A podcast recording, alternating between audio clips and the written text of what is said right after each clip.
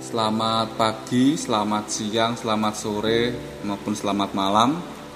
Saya Dionisio Sanditama Oktavian. Di sini saya akan membahas perihal pelarangan mobil di atas 10 tahun di wilayah ibu kota DKI Jakarta.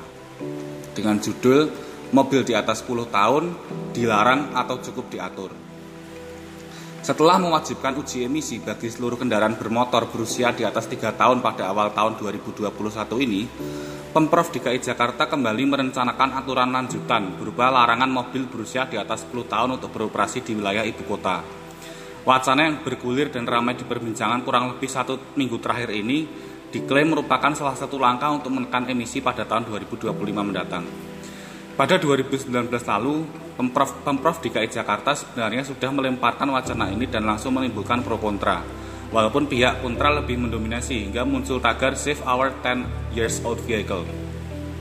Selain itu juga ada aksi membubuhkan tanda tangan di atas kain putih dari para pemilik dan pecinta mobil klasik sebagai bentuk menolak peraturan tersebut.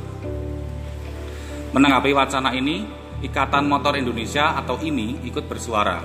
Wakil Ketua Umum IMI Rifat Sungkar berpendapat Pemprov DKI Jakarta perlu membuat batasan dan definisi mengenai mobil tua. Pria 42 tahun itu menganggap jangan ada generalisasi terhadap kata tua karena mobil dapat dikatakan tua bisa di atas 10 tahun atau bahkan 100 tahun tergantung sudut pandang setiap, sudut pandang setiap orang. Namun yang sudah pasti adalah pengertian terkait mobil klasik yaitu mobil yang berusia di atas 25 tahun.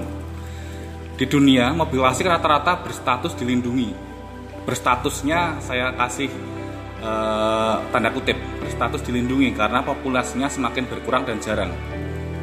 Sementara jika melihat ke negara-negara maju, memang terdapat pembatasan bagi kendaraan di atas 10 tahun, tetapi bukan pelarangan, seperti yang menjadi wacana Pemprov DKI Jakarta. Sebagai contoh di negara tetangga kita Singapura, di negara yang berbatasan laut dengan Pulau Batam itu terdapat peraturan khusus untuk kendaraan-kendaraan antik atau vintage.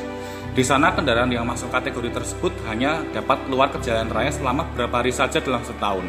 Ada yang 28 hari, 40 hari, atau bahkan 45 hari, tergantung tingkat keantikannya. Umumnya pemerintah Singapura mengelompokkan vintage vehicle berdasarkan tahun perakitan sebelum tahun 1940. Selain itu, izin kepemilikan mobil atau COA di Singapura juga dibatasi hanya sampai 10 tahun. Setelah selesai masa berlaku selama kurun waktu tersebut, pemilik wajib memperpanjang dengan biaya kurang lebih 250 hingga 400 juta rupiah jika dirupiahkan.